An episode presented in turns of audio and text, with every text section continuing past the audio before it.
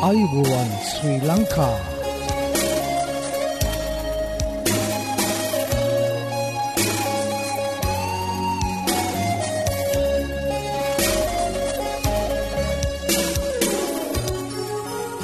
ඔබට සුපදස මේ ඇඩවෙන්ටිස් වර්ල් රේඩියෝ බලාපොරොත්වය හඬයි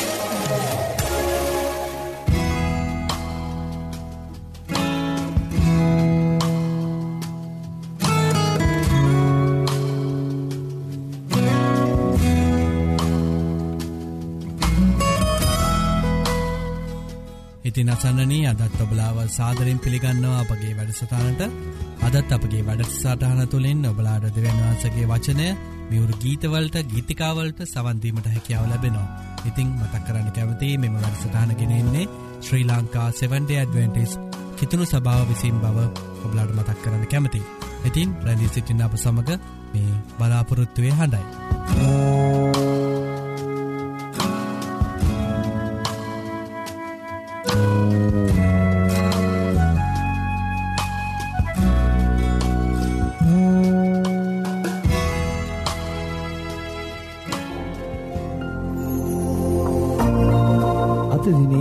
බයිබල් පාටය එබැවින් දෙවියන් වහන්සේට යටත්ව සිටින්න. නුමුත් යක්ෂයාට විරුද්ධව සිටින්න. එවිට ඔහු නුබලා වෙතින් පලා යනවා ඇත. දෙවියන් වහන්සේට ලංවන්න. එවිට උන්වහන්සේ නුබලාට ලංවන සේක. පවකාරේණි නුබලාගේ අත් පවිත්‍ර කරගන්න. දෙසිත් ඇත්තනි නුබලාගේ සිත් පිරිසිදු කරගන්න. යාකොප් හතරේ හතේ සිට අට දක්වා.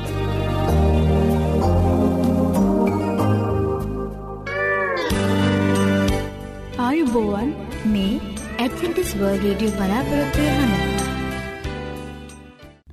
සත්‍යය ඔබ නිදස් කරන්නේ යසාය අටේ තිස්ස එක. මේ සත්‍ය සොයමින් ඔබ අද සිසිින්නේද. එසේනම් ඔබට අපගේ සේවීම් පිදින නොමලි බයිබල් පාඩම් මාලාවට අදමැතුල්වන්. මෙන්න අපගේ ලිපිනය ඇඩවෙන්ටිස්වල් රේඩියෝ බලාපොරත්තුවේ හඬ තැපැල් පෙටිය නම සේපා කොළඹ දුන්න.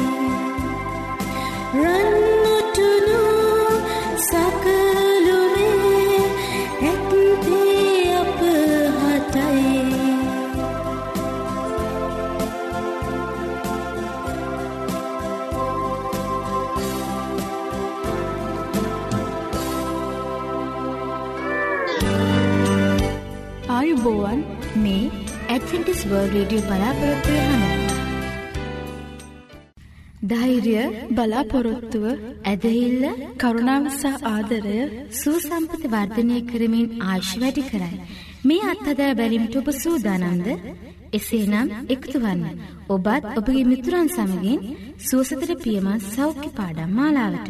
මෙන්න අපගේ ලිපිනය ඇඩවෙන්ටිස්වල් රේඩියෝ බලාපොරොත්තුවේ අඩ තැපැල් පෙටිය නම්සේ පා කොළඹ තුන්න. නැවතත් ලිපිනය ඇඩවෙන්ටිස් වර්ල් රේඩියෝ බලාපොරොත්තුවේ හඬ තැපැල් පෙට්ටිය නමේ බිඳුවයි පහ කොළඹ තුන්න.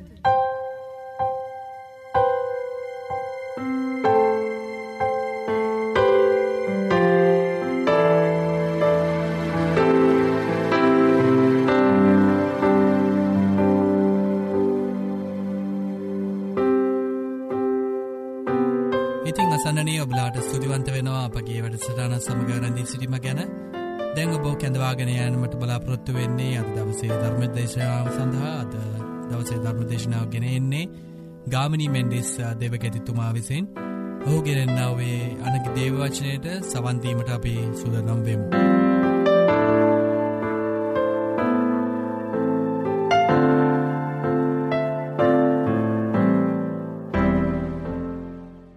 දෙවියන් වහන්සේට ප්‍රසංසාවේවා. දයාබර අසන්නෙන අද දවසේ මා ඔබෙන් අසන ප්‍රශ්නයඩම් ඔබ ආශිර්වාද ලද්දෙක්ද.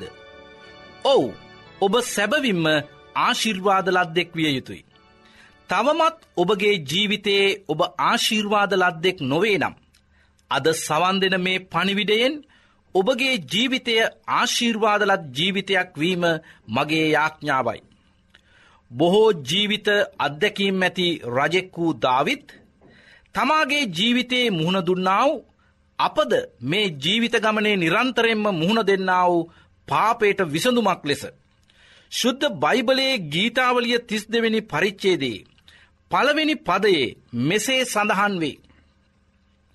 අපරාදයට කමාවත් පාපයට වැස්මත් ලැබූ තැනැත්තේ ආශීර්වාද ලද්දෙක්ය.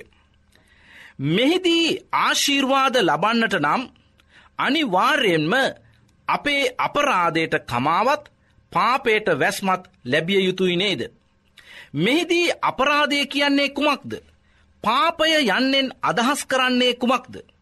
හරියට අපරාධයත් පාපයත් යන වචන දෙකම එකවාගේයි පෙනෙන්නේ. නොමුත් අපරාධයත් පාපයත් යන දෙකම එක අදහසක් නොව දෙකකි. දේව වචනයේ හැටියට පාපය නම් නොපනත්කමයි. එනම් පනත් කැඩීමයි. පනතක් හෝ විවස්ථාවක් නැති තැන පාපයක් නැත. ඒ නිසා දේව වචනය කියනවා පාපේ කුලිය මරණයයි. පෞකරන ප්‍රාණය නසින්නේය. එදා අපේ ආදි මව්පියන් වූ ආදම් සහ ඒව තම මැවුන්කාර දෙවියන් වහන්සේට අකීකරු වූ අවස්ථාවේදී. ඔවුන්ගේ පාපය කරනොකොටගෙන ඔවුන් තුළ තිබුණා වූ දෙවියන් වහන්සේගේ මහිමය නැතුව ගිය. ඔවුන්ට ලැජ්ජාවාව. ඔවුන් තම මැවුන්කාර දෙවියන් වහන්සේට මුහුණදෙන්ට බැරුව බයවී අත්තික්කා කොළ අතුවලින් තම ඉනවැසුම් සාදාගෙන ඒදන් උයනේ සැඟවුණ. අදද ඔබත් මමත් වරද කළ විට. ඇතිවෙන නිර්වස්ත්‍රකම ලැජ්ජාව මරණ බය සමාජයට මුහුණදීගන්ට බැරුව සැඟවීම මේ පාපයේ අතුරුපලයි නේද. නොමුත් දෙවියන් වහන්සේගේ අසීමිත ප්‍රේමය පෙන්නූයේ එදා කොලාතුවලින් තාවකාලික නිර්වස්ත්‍රකම වසාගෙන සැඟවුණාව ඔවුන් දෙපලට අහිංසක සතෙකුගේ හමෙන් ඔවුන්ගේ නිර්වස්ත්‍රකම වැසීමයි. එසේ නම් එදාදම් සහ ඒවගේ අකීකරුකමේ පාපයට වැස්මක් ලෙස සතෙකුගේ හමක් දෙන්නට නම් සතෙක් මැරෙන්ටුවමනානේද. ලේ වැගිරෙන්ට ඕනා නේද. ඒකයි දේව වචනයේ හේබ්‍රව් පොතේ නමවෙනි පරිච්චේදේ විසි දෙවෙනි පදේ විවස්ථාවේ ප්‍රකාරයට සියලු දේවල්ම ලෙයින් පවිත්‍ර කරගන්ට පුළුවන්වා වාගේ පෙනේ. ලේ වැගිරීමක් නැතුව ක්ෂමා කිරීමකුත් නැත. මනුෂ්‍යයා තුළ සහජයෙන්ම පාපය වාසය කරන බව ශුද්ධ බයිබලය පෙන්වා දෙනවා. මනුෂ්‍යයා කැමති යහපත කරන්නයි. නොමුත් අකමැති නපුර ඔහු තුළින් නික්මෙයි. එසේ නම් කැමති යහපත වෙනුවට අකමැති නපුර සිදුවේ නම් නපුර කරන්නේ ඔහු නොව ඔහු තුළ වසන පාපයයි. සිංහල සාහිත්‍යයේ ශුභාසිත කාව්‍යයේ සංග්‍රහයේ කතුවරයා මෙසේ කියර. කුරිරු ගොර සපුන්ගේ දල යෙහි විසය මදුරු මැසි කැලන්ගේ තුඩ යෙහි විසය. නුහුරු නුහුසුවන්ගේ වලි ගය විසය නපුරු දුද නන්ගේ සියොළඟ හිම විසය. මේ ස්වබාදහමේ ජීවත් වෙන නයි පොළොංගුවාදී සතුන්ගේ දලෙහි විස. මදුරු මැසි කැලන්ගේ තුඩේ විස ගෝනුස්සන්ගේ වලිගේ විස නපුරු දුදනාගේ මුළු ශරීරේම විස. හරියට කහම්බිලියවාගේ ගෑවුනොත් කසනවා. මේ විස ඇති මිනිසා ආශීර්වාද ලද්දෙක්ද. එසේත් නැත්තම් ශාපලද්දෙක්ද.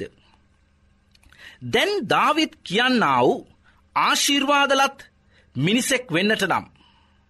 අපරාධයට කමාව ලබා ගැනීමත් පාපේට වැස්ම ලබා ගැනීමත් අත්‍යවශ්‍ය වූ කාරණයක් බවදැන් අපිට පෙනේ. එසේනම් අපරාධය කියන්නේ කුමක්ද. අපරාධය යනු කෙනෙකුගේ සිතේ ඇතිවන චේතනාවයි. එසේත් නැත්තම් අභිප්‍රායයි.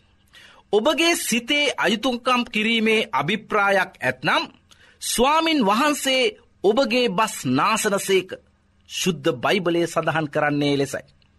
මා උදාහරණයක් ලෙස මට අකටයුතු යමක් කලාව් කෙනෙකු මරන්නට තරම් සිතක් මට පහළ වූයේ යැයි සිතමු. මගේ සිත මට වාවගන්න බැහැ.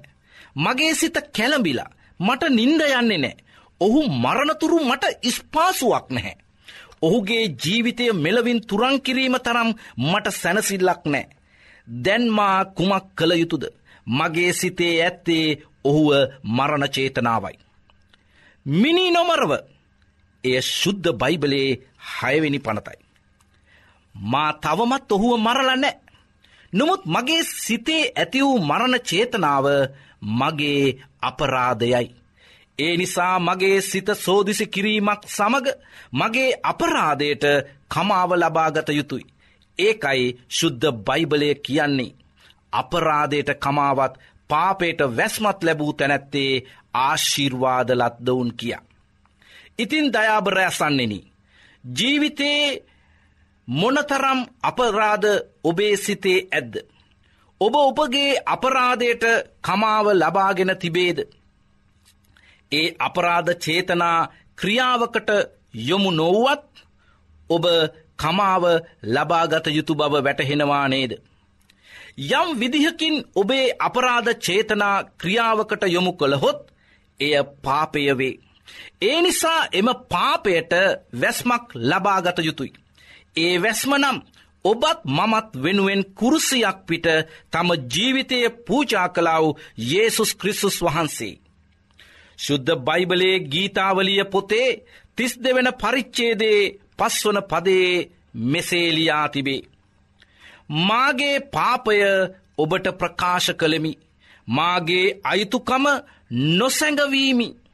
මාගේ වරද ස්වාමින් වහන්සේට කියා දෙන්නෙමී කීමි. ඔබද මාගේ පාපයේ අයුතුකම කමා කළ සේක. එදා ධාවිත්තුමා මෙසේ දෙවියන් වහන්සේට යාඥා කළා. දෙවියන් වහන්ස මගේ ගැලවීමේ දෙවියන් වහන්ස මිනිමැරීමේ අපරාධයෙන් මා මුදා හැරිය මැනව. දැන් මම ඔබට ආරාධනා කරන්නේ ඔබගේ අපරාධයෙන් හා පාපෙන් පිරුණු ජීවිතයට ක්‍රිස්සුස් යේසුස් වහන්සේ පිළිගෙන දෙවියන් වහන්සේගෙන් ලැබෙන නොමිලේ දෙන්නා වූ සදාකාල ජීවනය උරුම කරගන්නා ලෙසයි. යෙසායා අනාගත වක්තුරූතුමා පනස් පස්වනි පරිච්චේදේ හත්වනි පදයෙන් ආරාධනා කරන්නේද දෙවියන් වහන්සේ පොරොන්දුවෙන ගැලවීම පිළිගැනීමටයි. දුෘෂ්ටයා තමාගේ මාර්ගයද අධර්මිෂ්ටයා තමාගේ යෝජනාද අතහැර ස්වාමින් වහන්සේ වෙතට හැරීඒවා. උන්වහන්සේ ඔහුට අනුකම්පා කරනවා ඇත. අපේ දෙවියන් වහන්සේ වෙතට ඔහු හැරියේවා. මක්නිසාද උන්වහන්සේ අතිශයෙන් කමාවෙනවා ඇත. ඔබ තවත් සිතන්නේ යැයි. කල්පනා කරන්නේ යැයි. ප්‍රමාදවන්නේ යැයි. ඔබගේ ප්‍රමාදය කනස්සල්ලකට හේතුවිය හැකි. ධාවිත්තුමා ගීතාවලිය පනස් එක පරිච්චේදේ ඔහුගේ අපරාධ ඒත්තුගෙන ඔහුගේ පාපයට කළයුත්තේ කුමක් දැයි. දෙවියන් වහන්සේගේ නසා දෙවියන් වහන්සේට කළ යුතු පූජානම් බිදුනාවු සිතක්කේ. දෙවියන් වහන්ස තැලුනා වූ බිදුනා වූ සිතක් ඔබ සුළුකොට නොසිතන සේක. මේ අවස්ථාවේ ඔබ නිවසේ හෝ කාර්යාලයේ හෝ ගොවිපලේ හෝ වැඩබිමේ හෝ වාහනයක ගමන් කරමින් හෝ පදවමින් සිටිනවා විය හැකි. ඔබගේ ප්‍රශ්නයට අපරාධයට හෝ පාපයට විසදුමක් ලැබී තිබේද. මොහොතක් සිතන්න. ඔබගේ මේ තැලුනාව බිඳුනාව වේදනාවට පත්වනා වූ ඔබගේ ජීවිතය ඔබගේ සිත දයාවෙන් සනසන්නට දැන් ඔබට කෙනෙක් සිටි. ධවිත් දෙවියන් වහන්සේගෙන් මෙසේ ඉල්ලුවා. ඒ ආකාරයෙන් අපිද කියවමු. දෙවියන් වහන්ස පවිත්‍ර සිතක් මාතුළ මැව්ව මැනව. ස්තීර ආත්මයක් මාතුළෙහි අලුතෙන් සෑදුව මැනව. ඔබ ඉදිරියෙන් මා බැහැර නොකළ මැනව. ඔබගේ ශුද්ධාත්මය මාගෙන් පහ නොකළ මැනව. ඔබගේ ගැලවීමේ ප්‍රීතිය මට නැවත දුනමැනව. මෙසේ ඔබ ඔබගේ ජීවිතයට උන්වහන්සේගේ ගැලවීමේ ප්‍රීතිය නැවත ලබාගත් පසු. ඔබට නිහඬව සිටිනට බැරි බව මා මතක් කරන්නට සතුටුයි. ඇයිඒ එදා ධවිත් ගීතාවලිය පනස්සෙක් වන පරිච්චේදේ දහතුන්වැනි පදයේ මෙසේ තවදුරටත් කියනුයේ. එවිට මම අපරාධකාරයෙන්ට ඔබගේ මාර්ග උගන් වන්නෙමි.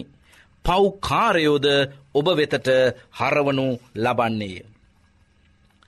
මේ ධවිත්ගේ ප්‍රකාශය එදා මගේ පෞද්ගලික ජීවිතයේ පෞකාර ජීවිතයේ මාව ගලවා ගත්තාව ඒ ඒසුස් ක්‍රිසුස් වහන්සේව.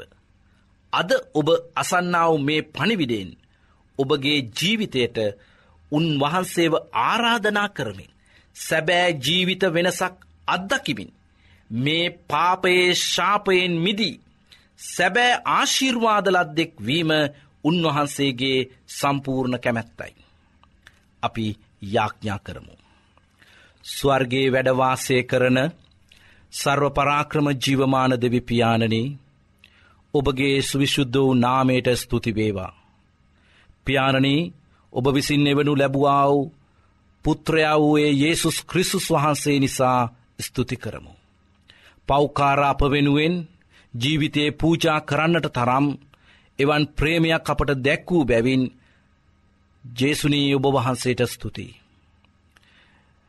දයාවන්ත යේසුස් වහන්ස ඔබ වහන්සේ මේ වෙලාවේ අප එක් එක් කෙනාගේ සිත්වලට කතා කරමින් අපේ ජීවිත ඔබ වහන්සේ වෙතට බාරදුන් කල අපගේ ජීවිතවල ඒ සැබෑ වෙනසක් අත්දකින්නට ඔබ වහන්සේ අප තුළ ක්‍රියා කරන බැවින් ස්තුති කරමු.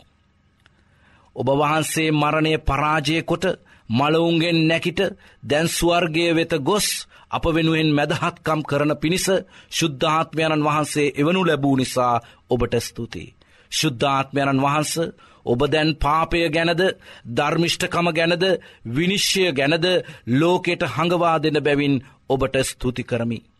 දයාබර ශුද්ධාත්මයණන් වහන්ස ඔබ වහන්සේ මුළු සත්‍යය කරා අපට මඟ පෙන්වන නිසාද ඔබට ස්තුති කියමි.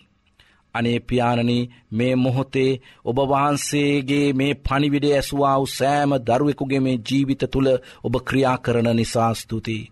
ඔවුන්ගේ පෞද්ගලික ජීවිත තුළට ඔබ ඇතුල් වූ නිසා ස්තුති.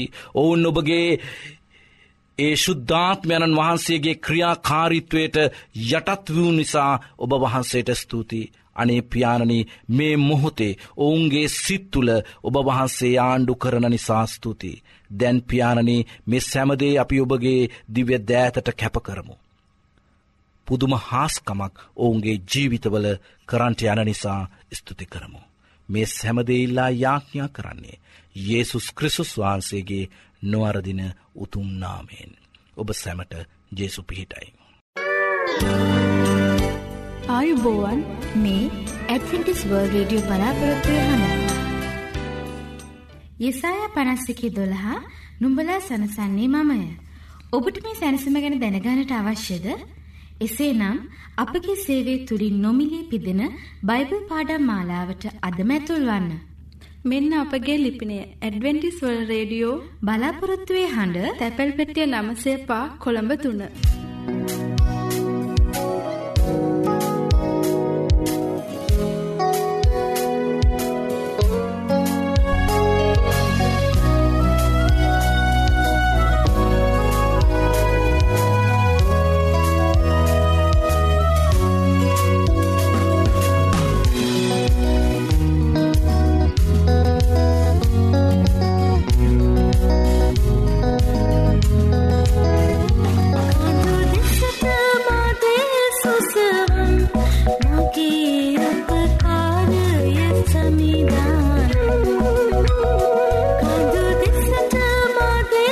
so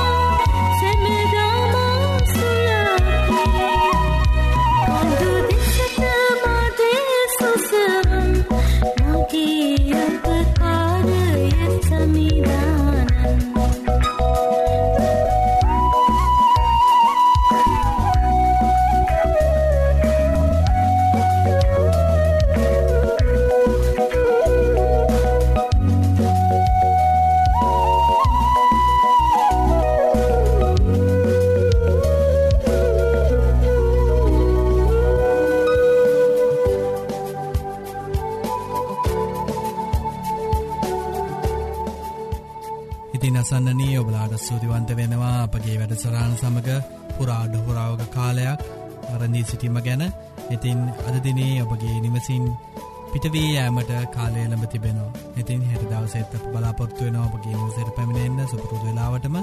ඉතින් එතෙක් දෙවන් වහන්සගේ ආශිර්වාදය කරුණාව ඔබලා සමඟ වේවා කියා ප්‍රාර්ථනා කරන අතර ඔබෙන් සමුගන්නාමා ක්‍රිස්ටියකනයි.